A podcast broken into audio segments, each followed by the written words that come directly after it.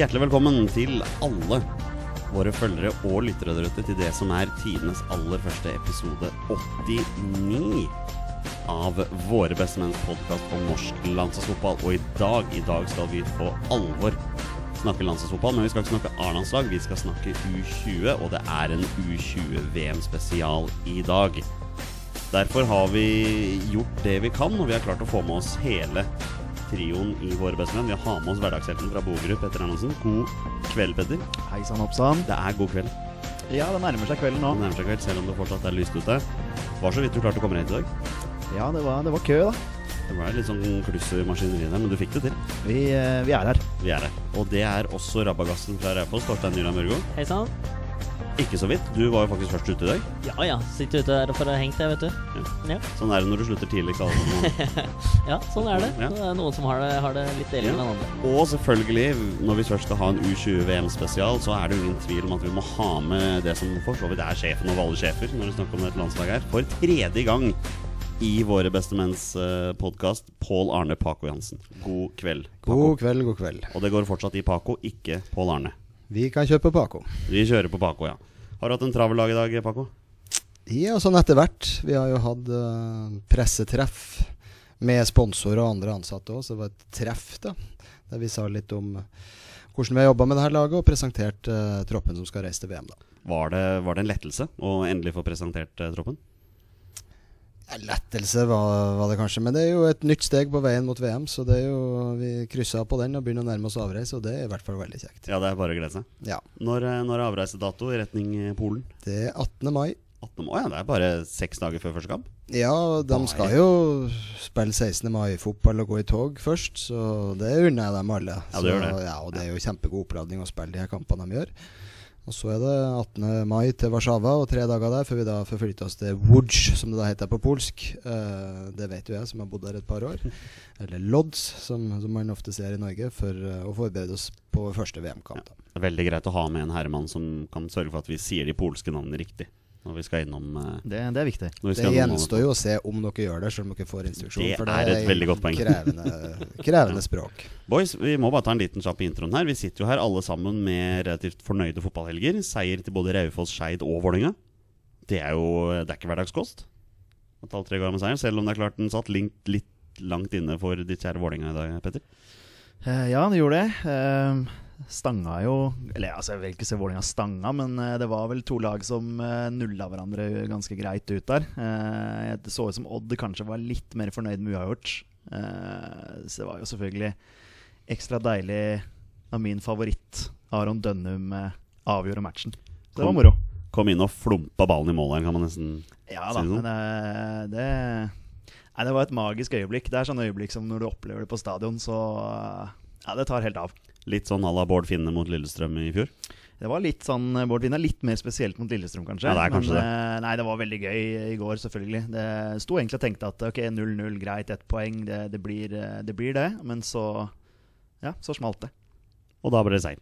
Deilig. Torstein, ditt kjære Raufoss dro til Sogndal og tok med seg det som så ut som tre forholdsvis enkle poeng. Ja, det så sånn ut på, når du ser resultatet, ja. Men hvis du ser litt bak resultatet, jeg så matchen, det var vel 10-1 i eller skudd mot mål eh, og målsjanser eh, før eh, Eller når Belly Målskred hedda inn 1-0 der. Eh, så det var jo relativt eh, ufortjent. Og så er det jo litt sånn som vi, vi synger jo i sangen 'Krutt i beina i ammunisjon'. Eh, og det fikk du virkelig se nå. Snorre Snorre Strand Nilsen dundra til fra ja, 25 meter der i lengste hjørne. Og Mikkel Maigård da, fra ja, 30 meter. Den burde nok Dyngeland ha tatt, altså. Men uh, det bryr jeg meg veldig lite om akkurat nå. Uh, sterke borteserier mot Nessotra og Sogndal. Tap mot Sandefjord hjemme, det er for så vidt greit nok. Det var 0-14 i målsjanser og eh, seier mot Strømmen, så nei. En meget bra start på serien. Ja, jeg kan ikke klage som Skeid-supporter heller. Tok, tok tre poeng mot Tromsdalen, vi òg. Ja, og det var treng, altså, treng å ta poeng mot Tromsdalen når skal du greie, greie plassen i Å oh, ja, absolutt. Ja, Det, det må så- dere også, Torstein. Ja, ja, vi skal, vi skal fikse det. Men nå har vi to, seks bonuspoeng, tenker jeg, borte mot Nessotra og Sogndal. Det er bonus, altså. Så har vi en gjeng i England da, som kjemper om seriegull, så vi får sjekke åssen eh, det går. Men uh, toget der er fort kjørt, altså. Ja, jeg, te jeg tenkte vi skulle prøve å holde dette her til kun norsk balledag, Ja, men Torstein kom meg i forkjøpet der. Og Ja, når det er to matcher og det ligger ett poeng bak i ligaen, så syns jeg det bør nevnes. Men uh, sånn er det bare. sånn er det. Det var dagens intro. Ta- Paco, har du sett noe spennende ball i helga? Jeg har sett tre kamper. Du har det? Uh, Jeg var og så Oppsal-Kjelsås på lørdag. 1-1 i et form for lokaloppgjør. Det er jo en del av dem i den andredivisjonsavdelinga der. absolutt. Um, Kikka litt på en uh, spennende 0-1-spiller på, på Kjelsås uh, for første gang, så var det veldig positivt bekjentskap. Så var jeg også Stabæk-Bodø-Glimt.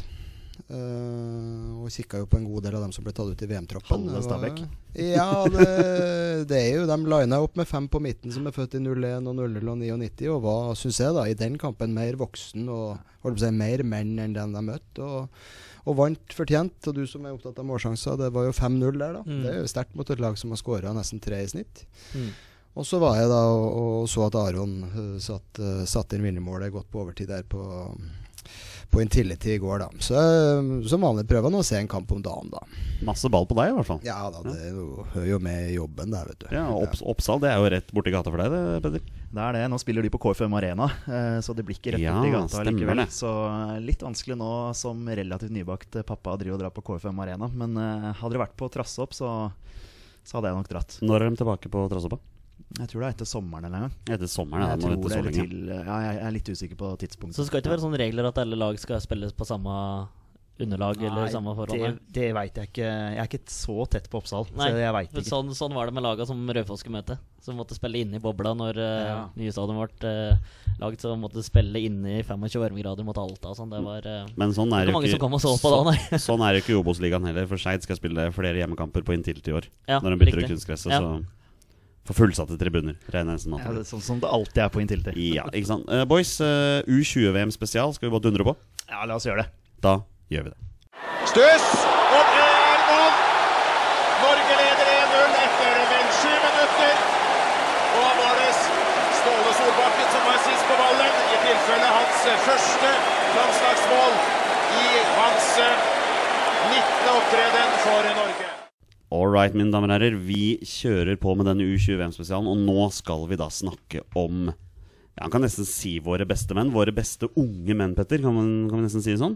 Ja, våre beste U20-menn.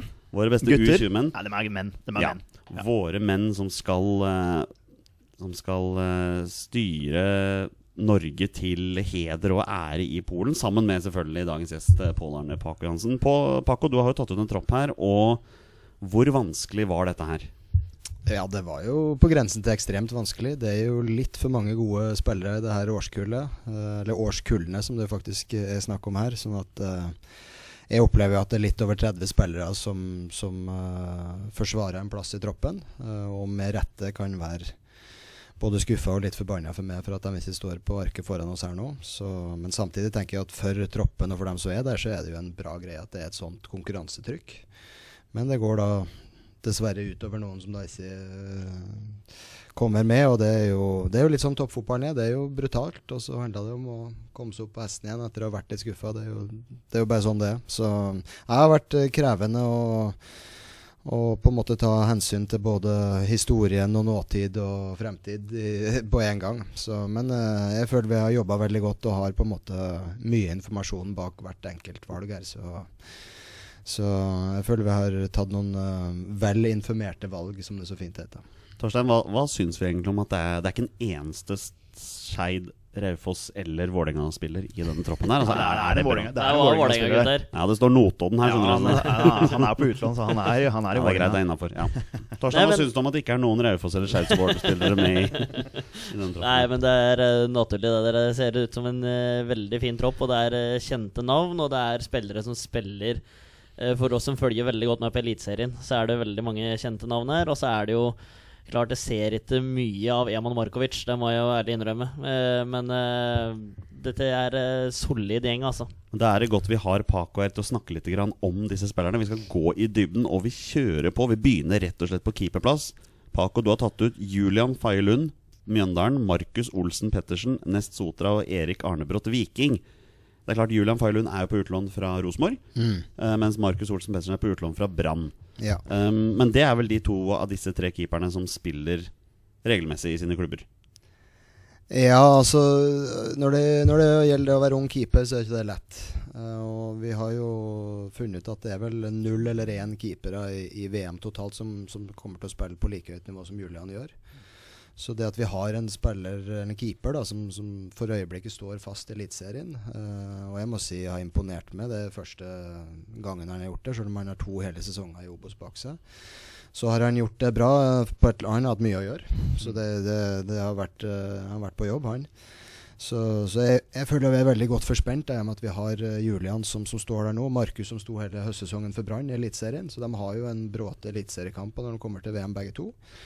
Um, og så Erik som har spilt en god del kamper for Viking sitt A-lag i, i uh, vinter, og som banka kraftig på døra for å spille der. Så det er jo på en måte tre eliteseriekeepere, men det skal jammen mye til når du er da under 20, eller U20, som jo betyr under 20, for, for å stå i mål. Da. Det er kanskje den posisjonen det er aller vanskeligste. Jeg føler vi er veldig godt forspent der, og, og vi har jo flere keepere bak der òg som også er aktuelle. Så det er et veldig sterkt keeperteam der med keepertrener Jonas Kolstad fra Bodø-Glimt, som, som har en veldig heldig hånd med, med dem. Er det, et, er det et klart førstevalg blant disse tre her, eller kommer den til å knive om førsteplassen fram til mesterskapet? Nei, Det er jo Julian som uh, sto alle kampene i EM, og som, uh, som sto uh, to nesten fulle kampene med samla sist. Så i utgangspunktet er det jo han som har hatt plassen, og jeg ser ingen grunn til å sette han ut av laget sånn som situasjonen er for øyeblikket. Så, så får vi se hvordan det går med Markus. Han har jo stått i hele vinter for Nesotra. Var uheldig og fikk, uh, fikk litt føling i et kne når vi var på landslagssamling og mista en kamp der. Men uh, var jo tilbake nå og, og var i hvert fall på benken nå i, i helga når de, uh, når de spilte mot Ullkisa. Så, så kan det jo skje mye.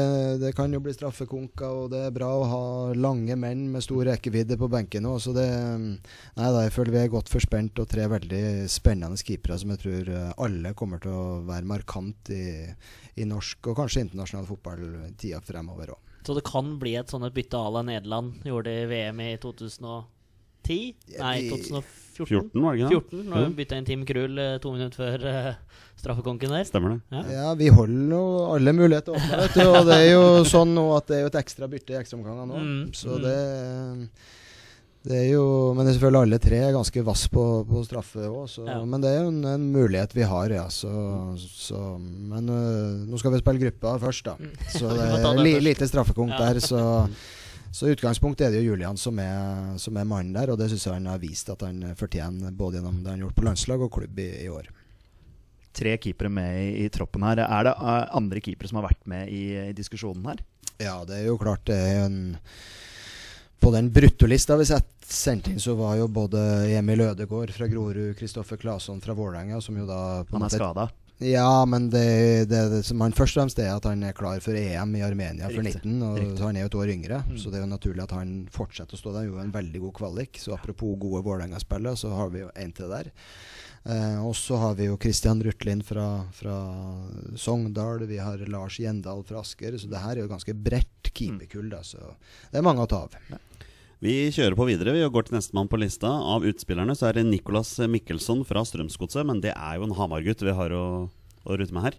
Det er jo det, men nå har han jo flytta til Drammen og og blitt mørkeblå. Så nei, han har jo hatt en strålende utvikling den tida jeg har vært landslagstrener. Han har spilt seg inn på U21-landslag og, og fikk uh, tellende kamper der i høst. Så en meget, meget spennende back med en voldsom forflytningskraft og energi i spillet sitt som, eh, som er god både defensivt og offensivt. Så en, en veldig, veldig god høyreback. Christian eh, Dale Borchgrevink er jo da nestemann her. Notodden på utlån. Petter han har jo vært på utlån flere steder. Ja, han har det. Jeg hadde egentlig håpa at han skulle få muligheten eh, i år. Eh, så valgte man heller å hente inn en sånn halvdaff eh, meksikaner. Eh, nok om det. Eh, jeg håper at Borchgrevink får At han blir satsa på. At han ikke blir en av de der som, som på en måte har vært spennende en stund, og så, så forsvinner de til en annen klubb som, som tør å satse. Jeg eh, er jo litt sånn kritisk til eh, måten uh, Vålerenga bruker disse unge spillerne. Så jeg håper at han får muligheten. Jeg tror det er utlånet fram til sommeren, kan det stemme? Ja, det vet litt- du bedre enn meg, jeg. Ja, jeg er litt usikker på det. Ja. Men uh, at han skal klare å kunne danke ut han uh, Juarez, det, det håper jeg. Ja. Tre ord om Borchgrevink, Paco. Veldig god offensivt. Eh, det var jo tre ord. Um, men eh, Litt flere, da. Men eh, ja, litt mer i forhold til Nico og han, som er jo de to høyrebackene i troppen. De har jo spilt fem kamper hver fra start i de ti vi har spilt for å slå oss til VM, så de har jo fighta jevnt. Og de er litt forskjellige. Kristian er jo, som jeg sa, da, veldig god offensivt. Både i spill og på dødball. Har mye målpoeng. Senest mot Finland, når vi snudde den kampen, så hadde han jo både assist og skåra nærmest på overtid der. Så han er jo en, en spiller som, eh, som har voldsom mål- og målpoengproduksjon. Uh, og i tillegg en fantastisk kar å ha med i gruppa. En veldig, veldig eh, fin fyr. God i gruppa, tar tak, eh, går foran. Så nei, vi er veldig godt forspent på den plassen nå. Torstein, la du merke til nestemann på lista, Ulrik Fredriksen fra Sogndal, når Raufoss slo dem i helga? Eh, nei, det må jeg ærlig innrømme at jeg ikke gjorde. S eh, altså Sogndal var for all del bra, de, men eh, det var jo hadde ikke sett ut til ballemål. Altså, det, Martin Ramsland hadde vel Ja, han hadde bra med sjanser der også. Og så var det en som jeg har glemt navnet på akkurat nå, som òg hadde et par solide sjanser der. Så det, ja, at Sogndal ikke skårer før i den matchen, er et under. Ulrik Fredriksen, Paco, tanker? Ja, han sto stort sett og så på at de der langskuddene gikk inn. Det er ikke så lett å få gjort noe med dem. Det var jo voldsomme skudd, men han er jo ellers en som har uh, spilt seg inn på laget da, under EM. Uh, tok jo litt uh, på en måte over for Tord Salte som høyre stopper der, og har på en måte hatt den plassen siden. og vi har uh, sluppet inn veldig lite mål etter at han begynte å spille. Han har vært veldig solid og veldig god, og, og vært god i angrepsspillet òg. Så um, han er virkelig en mann å stole på. En uh, trygg og god og ruvende bergenser som, eh, som spiller fast i Sogndal. Og de har fått en litt skjev start, men uh, jeg, tror, jeg tror de kommer til å snu det. Uh, møtte ikke så gode lag som Raufoss hver helg. uh, så um, nei, en, en god spiller som, uh, som har hatt en veldig god utvikling det siste året og spilt seg inn på laget etter faktisk å ha vært ute av troppen og nesten ikke med det første året jeg hadde lag her. Så har vi utenlandsproffen Leo Skiri Østegård her. Spiller hovedsakelig for Brighton U23. Er det, er det kamptrening god nok for deg, Paco? Ja, Det er jo et spørsmålstegn, det. Eh, det er jo et, kanskje et steg ned fra der han spilte i fjor, når han spilte for Viking og var på en måte markant i forhold til opprykket der. Men så er det jo samtidig sånn at han trener jo fast med Premier League-laget der, så treningshverdagen hans er jo veldig god. Og Leo gjorde en veldig god samling sist vi var sammen, og er ganske komfortabel med den situasjonen akkurat nå. Så, så er jo han eh, den som er blitt kaptein i laget nå, og han er jo virkelig en mann som går foran både i spill og ikke minst på dødball. Han skårer et vanvittig mål mot Slovakia. Han har heada inn 2-0 der rett før pause. Så det er jo en, en vinnerskalle som, eh, som har truffet veldig bra med spenningsnivået de siste kampene og vært god både off og def. Så en viktig mann for oss. Eh, Lars Ranger fra Ullkisa er ikke et navn jeg kjenner så veldig godt til. Kanskje du kan si litt om han også? Ja, så Det er jo litt sånn med de tre midtstopperne at det er en sterk, en spenstig og en rask en. Lars Ranger er jo en av de aller raskeste fotballspillere jeg har sett. Eh, det ryktes jo at Erling Knutson når han var i Lillestrøm hata å møte ham på trening, for han var eneste som sprang han opp, og da er du ganske eh, heftig i steget. Så mm, jeg har eh, veldig tro på Lars som en moderne midtstopper med stor fart, voldsom spenst, god med ball. eh, og litt sånn late bloomer, som jeg tror har fremtida foran seg, og, og også kan spille back. Men her er han først og fremst med da, som den tredje midtstopperen, som er litt annerledes enn de to andre. Skal banke litt på døra der, altså. Utfordre litt. Utfordre litt og komme inn når det blåser eller det trengs. Ja. Det, han har jo selv om ikke du har hørt så mye om han, så er det jo hans fjerde landslagssamling på rad. Ja. Så han begynner å bli en eh, fast medlem i, i gruppa. Og han eh, er en litt sånn spiller som tar det nivået han spiller på, nesten uansett hvor høyt det er. Så um, er en moderne midtstopper, uh, forsvarsspillertype som, eh, som er enorm fart og spenst som sine fremste våpen. Skeid har jo Ullkisa borte i neste seriekamp, så jeg får, får scoute litt. Sånn, se an muligheten der. Nestemann på lista her er Håkon Even fra Bodø-Glimt. Og da må jeg nesten spørre um, Kommer Håkon Even til å bo på samme rom som Julian Faye Lund etter mesterskapet? Med tanke på hva Håkon Even gjorde sånn ca. 100 minutter på overtid i den bortekampen mot Mjøndalen her. Nei, Jeg var der da, så jeg, tror ikke de ble Det var jo så langt mellom dem, så det var, det var vanvittig skudd. Da, så, ja, helt sjukt. så jeg tror de har en god tone mellom seg, dem. Så, men hvem han bor på rom, er nå så. Men eh, han skal nå det, Mye av tida er jo det, men det viktigste er jo at han skal utpå der og, og spille fotball, som han har gjort veldig bra nå i starten. Meget spennende fyr. Ja, han er både en spennende fyr og en veldig spennende spiller. Som kan spille mange posisjoner, nesten uansett hvor du setter han opp. Så kommer han i mange posisjoner, for han dribler seg innover og tar en ny posisjon og roterer. Og, og er jo litt som vi har sett, da. Han er jo en friskus med gode dribleferdigheter, godt skudd. Og assist hadde han jo i den kampen mot Mjøndalen, en veldig fin stikker til Herrem der. Så han er jo en en, en målpoengmann, han også, som, uh, som i utgangspunkt er tiltrengt å starte som venstre altså Utgangsposisjonen hans er venstre wingback, men jeg kjenner jo Håkon så godt at uh, kommer ikke til å være der hele tida. Hva med, hva med John Kitolano, som akkurat nå spiller i Wolverhampton? Ja, det er jo dem to som på en måte konkurrerer om den posisjonen. Uh, og det er jo John som har hatt den plassen hele veien. Nå blir det tøff konkurranse, men uh, litt samme situasjon som Leo, da. Spiller på U23. Uh, litt inn og ut eh, der. Uh, Trener en del med A-lag til Wolverhampton. Eh, og gjorde en veldig god samling sist, og, og på en måte kvalifiserte seg inn i, i troppen da. Og en solid back med mange landskamper, og, og spilte jo alle fire kampene fra start i EM. Nå skal jeg være såpass frekk at jeg rett og slett tar fire navn på en gang her. For du har en firer her fra Stabæk. Du har Hugo Vetlesen, tidligere gjest i poden vår. Emil Bohinen, Tobias Børkeie og Ola Brynildsen. Her har du da fire navn som spiller fast i Eliteserien for sin klubb. Ja, de spiller jo ved siden av hverandre òg, så de, det er jo noen relasjoner mellom dem som er veldig veldig spennende òg. Så tre av de her ble jo tatt ut på, på forhånd og er veldig på en måte gitt i troppen. da Både Hugo, Tobias og Ola har jo vært med mye både i tropp og på en måte spilt veldig mye. Så, så det var helt naturlig å ta ut dem tidlig. Og så syns jeg Emil hadde en veldig sterk eh, sesongåpning nå. Med både mål og assist og vært markant både mot Rosenborg og Bodø-Glimt. Og har vokst både som spiller og som altså, fysisk òg, så er han jo stor og sterk nå.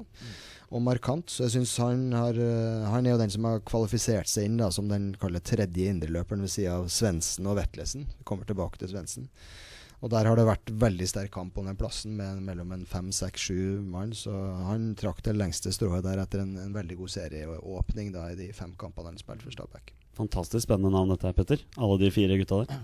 Ja, det er liksom noe jeg eh, misunner Stabæk litt, eh, som eh, supporter. Eh, det der med å få fram egne, egne spillere, og at de spiller fast i Eliteserien, og gjør det jo veldig bra òg. Eh, de snakka litt om på Max i går. Eh, han Joakim Jønsson snakka om viktigheten av Tobias Børkeie i laget ditt, i systemet ditt. Kan du snakke litt om det? Første må jeg si til Joakim, jeg syns det var ganske god research. Det er en bra innsikt i For det er jo riktig det, jeg så det et av de spørsmåla nå handla om det med, med rollen til Tobias. Så eh, spillet som spiller midt i, midt i banen eller midt i et lag, er jo som regel ganske sentral. Både sånn geografisk naturlig og, og som type òg. Så det det syns jeg kanskje er Tobias sin Børke sin største styrke, at han har spiller med taktstokk. Og han styrer spillet, både de andre spillerne og spiller både med og uten ball. Og har veldig god oversikt og spilleforståelse. Da. Så han er en uh, ganske stille og rolig kar utenfor, men når, det, når kamper blåser i gang, så, så prater han både med beina og med, med munnen i 90 minutter, og gjør det veldig bra. Så alle er viktige i et lag, men det er klart det er viktig at den mannen som står i midten og, og holder takten, er ganske bra på det. Så, så er jo samtidig sånn at han har uh, god konkurransehandel fra Adnan Hadzic, som, som gjør mye av det samme i start. Og de to har jo delt litt på spilletid i laget her men eh, det er klart Tobias sin rolle her i Stabæk er ikke så ulik heller. Så han skal stort sett gjøre det samme hos oss som han gjør hos dem. Det hender jo at han dropper ned og spiller midtstopper der òg. Vi eh, vi har en duo fra start her, IK Start. Det er Adnan Hadzic. Jeg ser jeg mista en C her, men det er Adnan Hadzic og Tobias Christensen. I forhold til førstemann her så har Jardar Birkeland, vår faste vikar, eh, stilt et spørsmål. Han lurer seg på eh, hvilken posisjon mener Paco at Adnan Hadzic, Hadzic bør dyrkes på i klubblaget? Og hvor ser Paco for seg det er mest aktuelt å bruke ham på landslaget? Ja, altså Adnan må spille i midten av banen et sted. Eh, hos oss er han jo i utgangspunktet eh, anker og konkurrere med Tobias, men i forrige landskamp mot Slovakia så kom han jo også inn og spilte ved siden av Tobias som det vi kaller venstre indreløper. da. Så, så er han jo stor og sterk og fysikk og venstrefot, så jeg så jo at de satte han opp som midtstopper på Lerkendal i fjor start. Uh, aldri gjort det før, men det gikk ganske bra. Uh, så, så, men midt i banen og på et eller annet vis. Uh, og det er klart for oss da som har 18 utespillere, så er det umulig å ha dobbel dekning via de. Så han er en av dem som både da kan spille eh, midtstopper der har vi med tre, og indreløper der vi har med tre. Så han er en veldig viktig spiller i totaliteten i troppen vår. Hva med hans eh, lagkamerat Tobias Christensen? Ja, Han er jo litt sånn, han, og han er jo et hakk lenger frem. da Han må jo være i nærheten av der det skal skåres mål og skape sjanser. Eh, men i venstre fot, han òg. Veldig kreativ, veldig god å drible, veldig god å skyte. Og jeg syns han hadde en noen kamper i Obos som det virkelig har lukta svidd. Senest nå mot Sandefjord i, i helga, også mot Ålesund i serieåpninga, når det var litt kaos der nede. Syns jeg han på en måte sto frem. Uh, han har ikke vært med oss så mye i år, for han har jo vært opptatt med å spille G19 til EM og gjort det med bravur. Uh, Skåra jo mot Tyskland og ble matchvinner der. Så, men han er en imponerende fyr og spiller, altså, som uh, som på en måte tar nye oppgaver og nye nivå hele tida, og har en enorm evne til å snu motgang til medgang og være klar for neste situasjon. Så det ja, Han er spennende. Jeg er veldig glad for å få jobb sammen med Tobias igjen. Det er en, en spiller jeg har veldig stor tro på. Da går vi videre til neste Tobias på laget. da Det er da Tobias Svendsen fra Sandefjord. Han er vel på utlån? Han er på utlån hele året fra Molde, i utgangspunktet. Uh, det er jo et utlån som jeg syns har uh, så langt vært veldig vellykka. I hvert fall i oppkjøringa, for da spilte han alle kampene og, og, kom på samling og var meget god. Kanskje vår bestemann mot Østerrike og Slovakia. Uh, så var det jo litt sånn at vi hadde jo den landslagssamlinga rett før seriestarten, så da starta han ikke mot KFM, og så har Sandefjord gjort det ganske bra. Så jeg syns han hadde et veldig friskt innhopp mot start sist, og han er pigg og i god form. og og han er en viktig spiller for oss, og den spilleren i troppen som har spilt uh, flest landskamper. Han er jo 49 og runda da 50 sannsynligvis mot Uruguay. Så det er jo et lite Litt jubileum der òg? Ja. Og ja. det, det, vet vi òg. Det å ha erfaring med på en måte å spille landskamper er jo viktig òg. Og det tror troppen har sånn ca. 25 kamper i snitt. Og det, det er jo litt å ta med. Rutinerte, faste menn, dette her, altså. Ja, ja, det er jo det. Um, Jens Petter Hauge fra Bodø-Glimt, hva, hva kan du si om han? Ja, han er jo en kreatør, han òg. Ikke ulik Tobias Christensen, bare at han er høyrebeint. Han kan drible, han kan skyte, han kan slå assist. Og han har jo ikke spilt så mange minutter for oss, men de minuttene han har spilt, så har han virkelig gjort en forskjell. Så han har vel tre skåringer på tre omganger når det har gjeldt som mest. Så han er jo litt sånn big moment guy. Så det kan jo fort bli det et VM. Så det er veldig bra å ha han med i gjengen. Um, Nestemann er jo Eman Markovic, som spiller for Oi, nå skal jeg prøve meg. Zrinski Mostar. Traff jeg den, Peder? Ja, der syns jeg du var god, altså. Ja, takk, Uten takk, at jeg har noe som helst uh, Nei. En fyr vi la litt merke til her ute i fjor. Ja, Apropos litt sånn game changer. Ja. Uh, kom inn og skapte litt uro. Uh, så han fikk jeg veldig sånn øynene opp for sist ja. vi så på Norge. Dratt hjem til, kan man nesten si, moderlandet for å spille ball? Ja, han har vel to moderland, da. Norge og Bosnia. Så til, til, til, det andre, da. Og, og, jeg skal faktisk ned til helga og besøke han og se Mostar i kamp. De er jo i gullstriden. Det er jo dem og Sarajevo som fighta, da. Eh, og de har hatt en veldig bra rekord i det siste. Og han har spilt mer og mer og mer, og starta og spilt hele forrige kamp. og og det er jo kanskje et lite hakk ned fra Tippeligaen, men jeg spiller samtidig på ett av to topplag der og, og driver og fighter om gull og trofeer. Og det tror jeg er en veldig bra sånn erfaring da for, for Eman. Så det blir spennende å komme ned dit og se en kamp uh, og se hvordan det ser ut. Han hadde veldig god samling i, i mars, og det som riktig som du sier, Petter, han var jo game changer i EM. Kom inn og skåra mot Portugal, kom inn og skåra mot England. Eh, vanvittige skudd begge to etter driblerier. Det er han jo ganske god på. Mm. Så det er mange som prater om at Erling skåra mye, men Eman har skåra nesten like mye for det laget. Og, og det er mål og målpoengmann, det òg. Det er jo en, eh, Der ga du meg en fin Segway, eh, Paco, til det som er nestemann på laget. Ja, jeg gjorde ikke det. Er fornøyd det. Det er jo våre beste menns maskot og favoritt. Det er jo Erling Braut Haaland. Er han den største profilen på dette laget, Paco? Altså, det begynner å bli flere nå, og det er jo litt sånn rart i Norge. der Når du reiser fra Norge, så er du på en måte ikke like i loopen. da, så, så, når jeg kikka på det her på TV i går, så var det jo andre som hadde fokus, og det syns jeg på en måte er helt rett. da, For det er ganske mange spennende enkeltspillere her.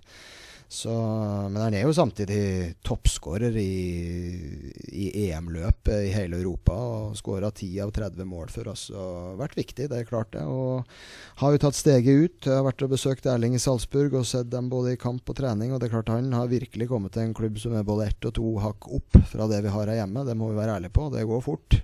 Og det er mye taktikk, og det er mye greier. Og Europacup og pokaler og cupfinale i, morgen, vel. Så, så det, det svinga av den klubben der. Så og nå er han jo inne i det første halvåret der han spissen Jeg vet ikke hvor innsatt dere er i det, men han Dabur, Dabur, ja. Skal jo til Sevilla nå. Mm. Men han er jo der fortsatt, og det er jo tenkt liksom at Erling skal mm, gradvis over. Så han er jo en slags sånn innfasingsperiode der nå. Og det tror jeg er veldig fornuftig, for det er en annen verden. Så Samtidig er det en veldig fin by å bo i. Den er ikke så veldig stor, og det er snø i fjellene når de står på ski. Så det er ikke så ulikt Norge. Så jeg tror det er en, et veldig godt klubbvalg. Og så blir det spennende å følge Erling nå. Eh, ut sesongen, eh, og ikke minst da når, når de får preseason og kommer i gang med ny sesong. For det er vel da på en måte det er litt hans tur. Ja. Men samtidig har vi fått et spørsmål på Twitter fra Åsmund. Han spør jo det kanskje vi også lurer på, er jo om det bekymrer deg at han ikke spiller så veldig mye nå fram mot VM? Nei, egentlig ikke. Det er jo litt som med Leo og, og John. Altså, de trener jo på et veldig veldig høyt nivå. Uh, og Så får vi jo se. da, Nå har de jo nesten avgjort serien. Det er jo sluttspill og sånn der, så det tetta seg jo til. Men nå har de jo økt forspranget ganske kraftig igjen. Så, så jeg ser ikke bort ifra at han får noen, eh, noen eh, innhopp eller starter noe mot slutten. Det, det får vi se på. Men eh, det var jo litt samme situasjon før vi var i, i Østerrike og Slovakia, og da skåra han jo mot Østerrike. Uh, mot sine nye landsmenn, holdt jeg på å si. Og så skåra han mot Slovakia og skåra på hver trening og var liksom Han var den vi kjenner han som. og og jeg følte han var i ganske god, uh, god form, og måten de trener på der er ganske rock'n'roll. Så, så jeg er ikke så veldig bekymra for det. Men det er klart det, det er alltid godt for en spiss å få spilt kamper og skåre mål. og det er jo det vi, vi på en måte ser for oss at uh, han gjør når vi møtes igjen i VM. Så vi så jo det i januar òg. Eh, sesongomkjøring del to for laget. Braut Haaland fikk spille litt der. Dæven hakke for noe kul han sendte av gårde ja. borti hjørnet der, altså. Så Nei, gutten har trøkk i støvla, nå. Ja, vi må jo huske at han dro jo fra Norge skada. Fikk jo Ja. en ganske stygg overtråkk. Men han har ikke stått over ei trening enda og øh, kanskje litt noe i siste. Men han spil, spilte jo mye preseason og fikk Mm. en veldig bra Så han, han er i ganske bra slag. Og jeg tror vi må være ærlige på det. Man kan være god her hjemme, men det er et litt annet nivå. Og så skal du i tillegg lære deg tysk og kjøre bil i Salzburg. Og det, det er flere aspekter ved det å flytte hjemmefra når du er 18 år òg. Ja. Som, eh, så ha nå litt tålmodighet med gutten. Han er på et bra sted. Og jeg syns han var, gjorde en veldig, veldig god innsats når vi var samla sist. Så jeg ser veldig frem til å møte Erling igjen. Og jeg vet at han setter veldig pris på å møte landslagskamerater, særlig nå når han bor i utlandet. Og så er det sistemann i troppen din her, og det må jeg få, får jeg få lov til å si at det er jo en komet i, i Eliteserien i år. Og hvem hadde trodd at en fyr som eh, Ja, hvor, hvor da faren hans er en av eh, Ja, kanskje den beste keeperen gjennom tiden i Norge. De fleste, ja, bortsett fra Torstein Børgo, da mener jo det at Erik Thorstvedt er den beste keeperen. Men eh, Christian eh, Thorstvedt, Viking, for en, for en komet. Jeg tror faktisk jeg tok ut Erik Thorstvedt på det der bestelaget beste Det mitt. kanskje gjorde, ja, Ja. Så, så vi er ikke uenige der. Spørs hvordan det har vært med den tilbakespillsregelen nå, da. Men, eh, men på den tida så, så var jeg Men det er klart, Kristian er hakket hvassere med beina. Det har vi vel alle sett. Det har vi sett, ja. Absolutt. Eh, så um, ja, Komet og komet er jo litt sånn Han har jobba hardt i mange år, og så har kroppen satt seg, og da kommer ferdighetene frem. Og jeg synes han var en Han var jo årets unge spiller i Obos i fjor. Han var jo komet i fjor, og så snart må den Ja. Kometen Land og få en litt mer sånn, sånn varig titulering, syns jeg. Ja. Da. Han, han er rett og slett en god spiller blitt, og, og lever mål og målsjanser jevnt og trutt i Eliteserien. Og dere ser jo det i lufta og med venstrefoten. og så Han er jo sånn spiller som ikke ser så rask ut, men når det lukter mål, da går det unna. altså, og Det er jo spennende. Det er, eh, det er troppen, min, herrer. Eh, Petter, ved første øyekast, hva syns du om den troppen? Nei, nå har jo Paco gått gjennom ganske grundig her. Eh, Det ser jo selvfølgelig veldig bra ut. Jeg har ikke så mye jeg skulle ha sagt på dette her. Um, mye kjente navn. Og det er jo egentlig bare å glede seg til å se dem i aksjon. Eh, Hva gjør du med de spillere som ikke er tatt ut, som har vært helt i vannskorpa her? Altså Kontakter du dem i dag og sier 'sorry, McFlurry'? Men, eller åssen er det du liksom holder kontakt med dem? Jeg tror ikke han sier 'sorry, McFlurry'. Nei da, men- nei da, men jeg skjønner hva jeg mener. Nei, jeg, jeg prata med samtlige av dem i går, og som jeg sa i innledningen her, så er det jo et over ti da, som jeg, som jeg mener har berettiga grunn til å være skuffa og forsvare en plass i troppen. Så jeg hadde en prat med samtlige av dem i går, og det er klart det er jo en, er en tøff beskjed å gi, men den er ikke minst tøff å få. Mm. Det, er jo, det er jo både stort og på en måte viktig for karrieren å være med til, til VM. Så tror jeg enda viktigere i en fotballkarriere er jo å håndtere motgang. Det, vi snakka akkurat om Kristian Thorstvedt. Han var innbytter på juniorlaget til Stabæk for knappe to år siden. Så jeg har spilt under. Men altså, det, var motgang, det òg. Men så tatt rev i seilene. Det er mange sånne historier både i troppen her og i fotballen generelt. Ved Birger Meling og ja, det er mange av dem. Så, så det er jo å være skuffa i dag og i morgen og kanskje litt forbanna på meg med god grunn. Og så, og så er det å brette opp armene og på en måte neste oppgave. Og de kan jo komme inn hvis det skjer noe i denne troppen. Det er snart ny U21-samling. Eh, De skal i gang med en kvalik. Det er nye kamper i klubb. Så det er jo litt sånn toppfotballen er. Man må Ja. opp på hesten igjen, men jeg, jeg skjønner veldig godt at det er en veldig tøff beskjed å få. Og man har jo forventning og forhåpning om å være med. Og det er klart Når 35 mann har det, og du skal ned på 21, så blir det et knippe som med god grunn er skuffa i dag. Men til syvende og sist så er du veldig fornøyd nå med den troppen du har satt.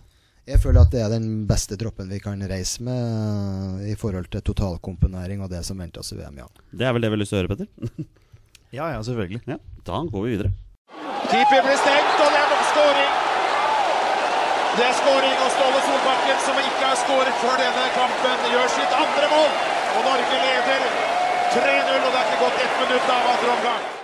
Paco, vi har, vi har stilt på forhånd eh, spørsmål til våre lyttere om de, ville, ja, om de rett og slett ville stille noen spørsmål, og det, det har vi fått. Um, Doffen, um, CB Julebrus for life på Twitter, spør din sterkeste side, fotball eller geografi? Definitivt fotball, men jeg er ålreit i geografi òg. Ja, det var et veldig, et veldig kort og konsist svar her. Um, Trygve Skogstad spør hva er målet for mesterskapet? Ja, vi må jo være ærlige på det i Norge at nå er det jo 26 år siden vi har vært med sist. Og hvis du ser på si, Wikipedia, så det neste laget var sist med i 2009. Og alle de andre har vært med siden den gang. Så sånn sett så er vi jo litt sånn Vi stiller jo bakerst og en halv i klassen der. Så vi er litt som nybegynnere å regne. Så, så syns jeg samtidig vi har et spennende lag, da, som vi nettopp har gjennomgått. En spennende tropp. Så, så Tre lag i gruppa som har mye mer erfaring fra det her enn oss. Eh, men det er jo ikke landene vi skal møte, det er jo på en måte laget og dem som er like gamle. Så, og der føler vi har eh, mye å komme med. Da. Så hvis vi presterer opp mot vårt beste, så føler vi har god sjanse til å ta poeng både mot Uruguay, New Zealand og Honduras. Og, og mulighet til å ta oss videre fra ei tøff, men gruppe som er mulig for oss å, å bli blant de to, eventuelt tre beste i. Hvis du, når vi først er inne på det, hvis du skal ta et eh, kort minutt om alle tre motstandere, Uruguay, New Zealand og Honduras, hvem er det vi kommer til å knive med her? Ja, dem tre, ja. Uh, altså, Ja, men i hvilken rekkefølge? Ja, vi skal jo møte dem i, Vi skal møte Uruguay først, og for å ta dem først, da, så er det jo sånn at uh, det er jo dem som har vært gjennom den tøffeste kvalifiseringsspillet. Uh, ni kamper i januar-februar. Tøft.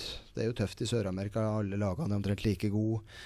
De, de ble nummer tre av de fire som gikk videre, men det var jevnt og tett. De kunne like gjerne vunnet og nesten sånn ryke ut òg. Brasil røyker jo, så det sier jo litt. Så, så et bra lag som har erfaring fra det nivået, vært i semifinalen to av de tre siste gangene. Så det er klart, de er, de er tøffe. Um, eh, samtidig som jeg føler at det er muligheter der òg.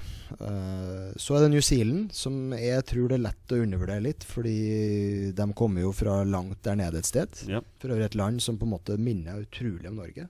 Som ligger på samme sørlige som vi gjør nordlige, og like mange og demokratisk og utrolig likt. Um, arrangert i 2015 og lært mye av det. Gikk videre fra gruppa da, gikk videre i 2017 og kan på en måte U20-VM litt nå. Så, og samtidig da på en god dag, som mot Uruguay, så føler jeg vi har en, en bra sjanse mot dem. Eh, veldig lett kvalifiseringsspill. I Ja, vel fordi, fordi, ja, Australia er jo ikke med der. Så, så det, er jo, det er jo lett å, for dem da de er, går inn i mesterskapet hver gang. Men har som sagt gått videre fra gruppa i to siste og har bytta ut en del spillere i troppen fra kvaliken til nå og styrka seg. Så et bra lag, eh, men det er vi òg. Honduras, eh, greit videre fra Nord- og Mellom-Amerika. Ett ble nummer tre etter USA og Mexico. Uh, Tapt 1-0 mot USA, og et bra lag, dem òg. og jeg føler at vi vet hva vi får. Og sjøl om de er fra tre andre kontinent, så er det ikke så stor forskjell på fotballen og det vi har møtt i Europa. Så det er ikke sånn helt uh, merkelige greier kommer dere ikke til å se. Det blir tre vanlige fotballkamper mot tre ganske kalle, vanlige fotballag, som, som, er det vi gjør til vanlig. Det blir ikke noen walk in the park, i hvert fall. Det var sikkert visst. Nei, Nei, og ikke for dem heller mot oss. Nei, det er kanskje viktigst. Um, på bortebanen på Twitter syns jeg det er veldig stas at Nico Mikkelsen fra Strømsgodset er en av de åtte spillerne som ble tidlig uttatt. Um, han lurer på hvordan forsvarer man et tidlig uttak av åtte spillere? Ja, det her handla jo ikke så mye om mitt uttak. Det her handla om at vi er en del av fotballfamilien, og at uh, de her spillerne spiller jo, som vi har snakket om, fast i sine eliteserieklubber. De har ei utfordrende terminliste i år, i og med at det både er det her mesterskapet, det er G19-EM, det er europacuphensyn. Så den terminlista er ikke så lett. Så det, det, var rett og slett et samarbeid med NTF, altså klubbenes interesseorganisasjon, og oss og NFF som da styrer terminlista, for å være så tidlig ute som mulig med dem som vi var helt sikre på, sånn at det var mulig å flytte kamper. En rekke kamper er jo blitt flytta eh, siden vi tok ut dem 11.4 og frem til i dag. Så det var på en måte nødvendig for å få fotballhjulet til å gå rundt her hjemme, og vår på en måte bidrag i, i dugnaden der. Vise hensyn, rett og slett. Ja, si sånn. og ja. vis helhetsforståelse og ta helhetsansvar. Det er veldig hyggelig for de klubbene som det gjaldt. Så jeg er enig i at det er stas at Nico er tatt ut, men det er jo nesten en selvfølge. Ok. men han syns det var stas, i hvert fall. På bortbane. Ja. det er enig, enig det, det er det òg. Geir Runar Åmli han kom med et spørsmål her som vi nesten kunne brukt hele podkasten på. Vi får ta et par minutter på det. Eh, skjønner dagens tenåringer hva som kreves for å nå langt, og hvordan kan man påvirke det? Så ten, dagens tenåringer er jo ikke noe homogen gruppe. De er jo så like alle mann. Det er, jo, det er, jo, der folk på en måte både blir og er veldig forskjellige.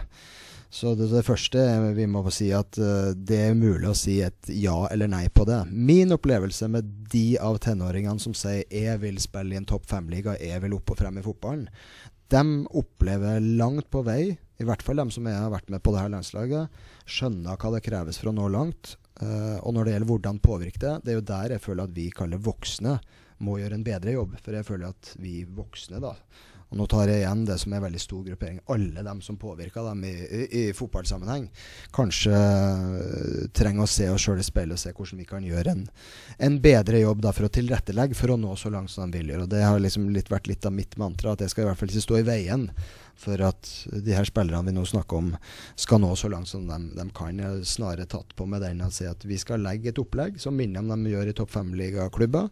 Og vi skal prøve å bli blant de fem beste landslagene i Europa. Og det, det at vi har klart det, viser jo at de tenåringene i hvert fall skjønner hva som kreves. Yes, Da går vi tilbake til Åsmund, som allerede har stilt spørsmål. Han har flere, vet du. Og dette var du innom litt i i presentasjonen av troppen din her, men Paco sine lag har jo da et anker som tidvis opererer som anker, og tidvis som stopper.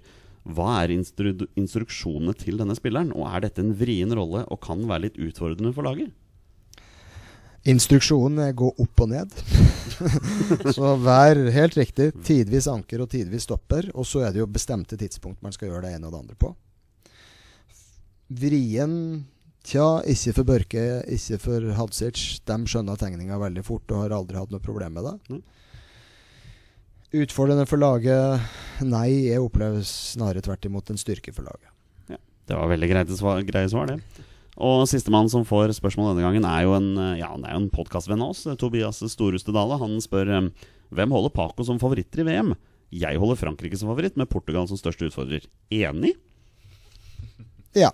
Det er kanskje Kanskje i motsatt rekkefølge, med at Portugal er regjerende europeisk mester. og og så kanskje hengt på Argentina i den sammenhengen òg, som jo har vunnet seks U21-VM og er mestvinner der. Så der har du jo en trio som jeg tror uh, kommer til å, til å, ha bud på det, ja.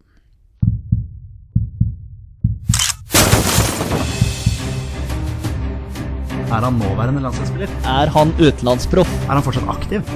Er han back? Har han spilt for Rosenborg? Damer og herrer, det er nå tid for 20 spørsmål.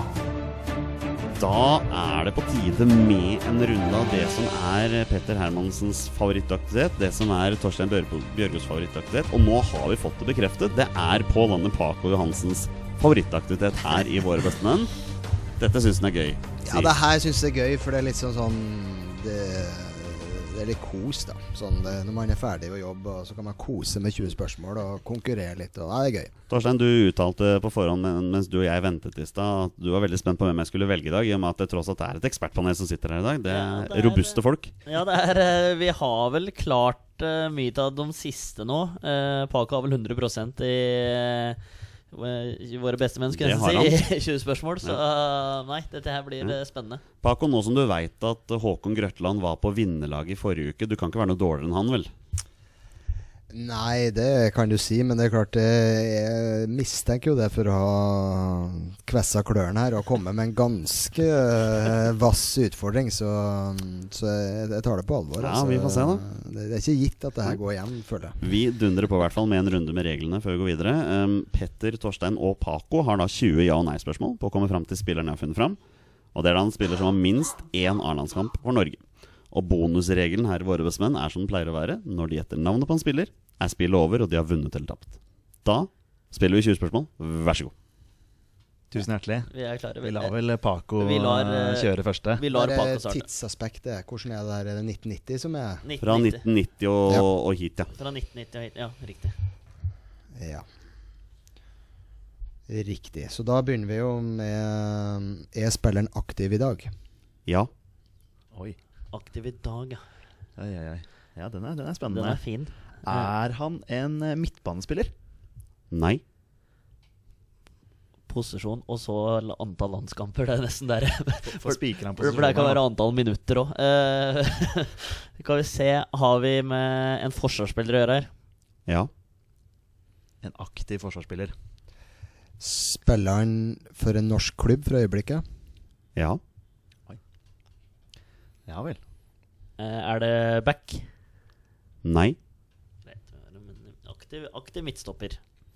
Er det en uh, eliteserieklubb? Nei. Nei. Vi skal nedover. Mm. Forsvarsspiller i Obos eller i Post Nord, da.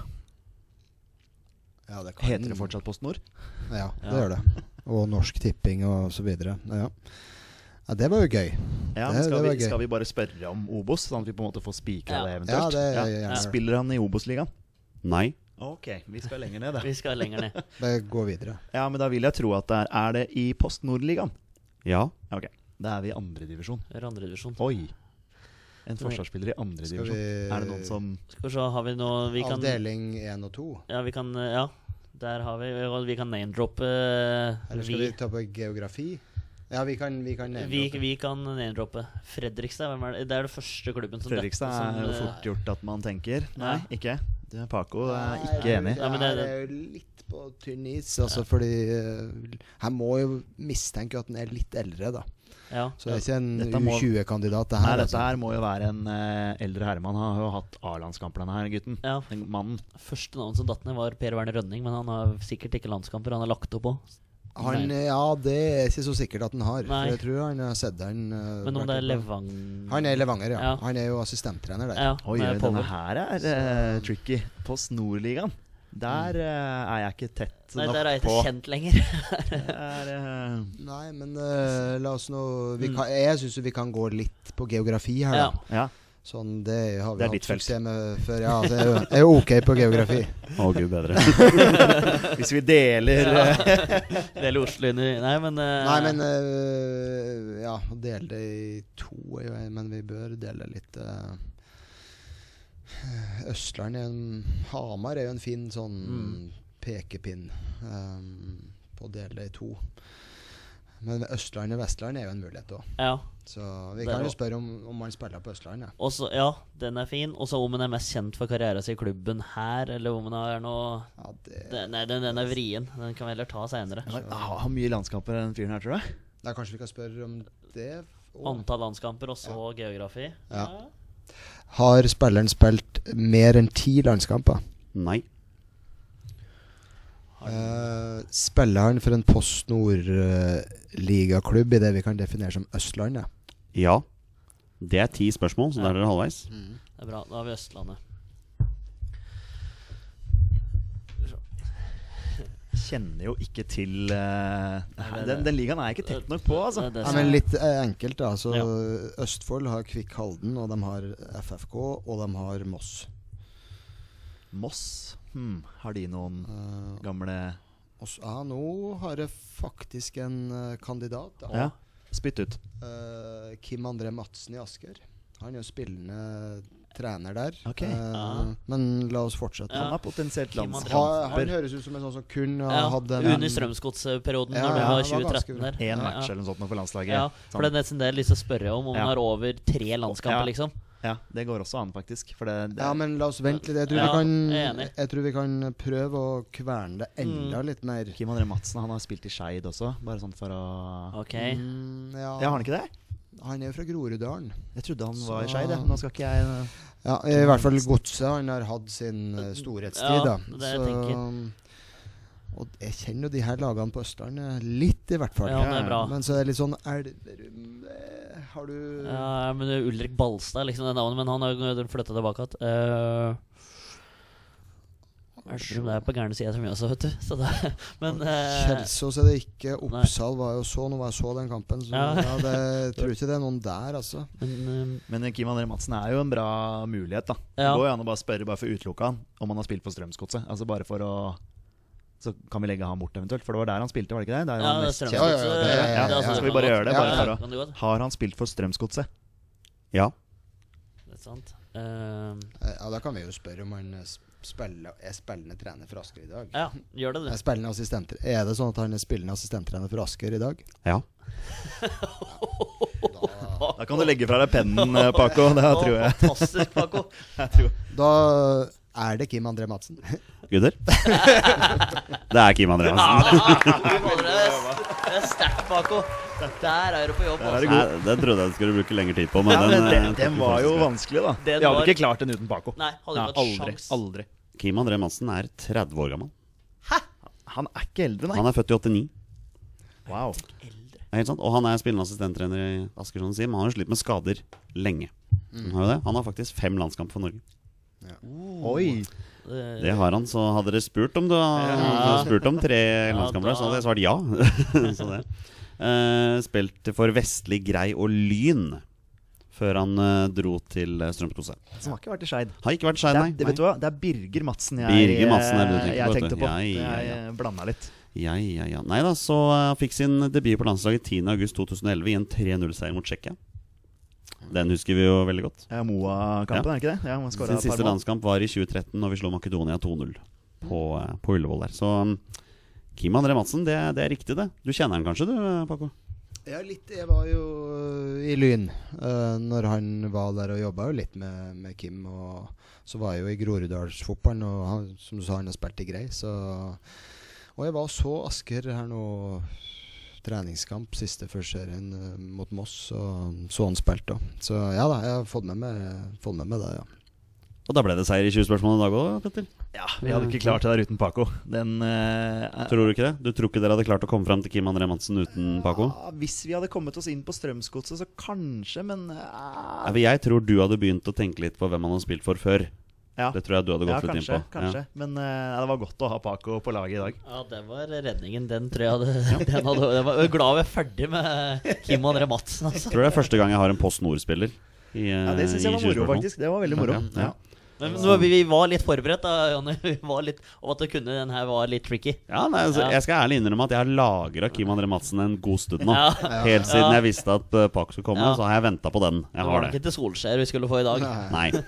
Derfor litt, ble jeg nesten litt oppgitt når Håkon Grøtland faktisk name-droppa Kim André Madsen i poden i forrige uke. Så jeg så for at det kanskje kunne være noe der. da. Ah. Så det. Paco, vi har tatt en time pluss av din tid i dag. Det har vært en fornøyelse å ha deg som gjest for, for tredje gang. Ja, tusen takk. Ja. Det er alltid like gøy å være Ja. her, så kommer dere gjerne igjen hvis Mm. det Vi- skal oppsummere VM eller Ja. et eller annet. Ja, ja, ja. Så- Selvfølgelig. Vi gleder oss selvfølgelig til å invitere den nybakte verdensmesteren tilbake til podden etter, etter mesterskapet, naturligvis. Ja. Tar du med deg Braut Haaland på kjøpet der, så får vi en eh, dobbel episode. ja, ja. Nå styrer jeg ikke fritida hans, men Vi drar til Salzburg episode 100. så, ja. Ja, kanskje det er det vi skal gjøre. Ja. Hvis dra på tur. Hvis han er maskoten her, så bør dere jo tenke på hva dere skal gjøre med det. Altså Ja. det Sånn fjernmaskot over tid det er kanskje ikke det beste. Så. Nei, det er, det er vel mer sånn Jeg tror ikke han veit det sjøl engang. Petter, har du hatt det bra i dag? Ja, det har storkost meg. Og Torstein, du skal hjem og slappe av nå før 1. mai i morgen. Ja, det er vel Champions League i kveld, da. Så må få med seg Tottenham Ajax. Ja, Det er vel kanskje på tide å komme seg hjem, da. Jeg tror det. Da gir vi oss med det. Vi er våre beste menn. Heia Norge. Heia Norge. Heia Norge. Heia Norge. Og hei. hei.